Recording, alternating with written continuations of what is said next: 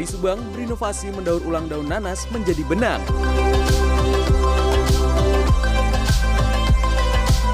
Kabupaten Subang terkenal menjadi salah satu daerah penghasil buah nanas terbanyak di Indonesia. Dalam satu tahun, ratusan ton buah nanas dihasilkan dari daerah ini. Melimpahnya limbah daun nanas membuat Alan Cahroni, pria berusia 33 tahun, tergugah untuk mengolahnya menjadi sesuatu yang memiliki nilai ekonomi. Sejak 2013, pria lulusan teknik tekstil ini berinovasi dan berkreasi dengan daun yang memiliki serat berkualitas tinggi ini. Ia pun mengajak masyarakat sekitar untuk ikut andil dalam pengolahan limbah daun nanas ini. Syahroni membeli daun nanas dari para petani seharga Rp1.000 per kilogram dengan syarat daun tidak rusak, tidak busuk, dan memiliki panjang sekitar 60 cm. Setelah disortir, daun kemudian dipisahkan dengan seratnya menggunakan mesin.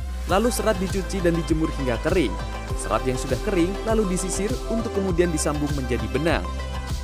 Background saya sebagai lulusan teknik tekstil, ya, apa ingin mencoba untuk memanfaatkan potensi yang Eh, belum termanfaatkan ini di mana daun nanas di Kabupaten Subang ini selama ini hanya dijadikan e, pupuk biasanya e, sama petani ketika buahnya dipanen. Keterbatasan fasilitas dan sumber daya manusia menyebabkan belum berkembangnya usaha Alan.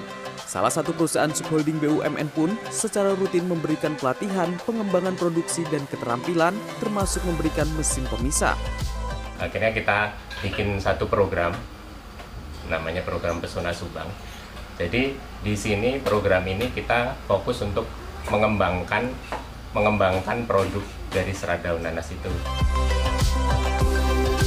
Salah satunya Siti, ibu rumah tangga yang mengikuti program ini mengaku juga bisa menghasilkan uang dengan ikut andil dalam kegiatan ini. Alhamdulillah begitu pas begitu diajak jadi tim, banyak pengalaman, banyak ilmu yang saya pelajari yang tadinya saya tidak tahu jadi banyak mengetahui tentang limbah alam yang kita bisa ber, kita bisa manfaatkan, bisa berkreasi menjadi apa pun.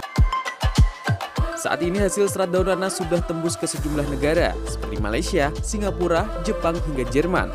Sementara omset per bulan sempat menyentuh penjualan sebanyak 200 kg serat kering dengan harga Rp180.000 per kilogramnya.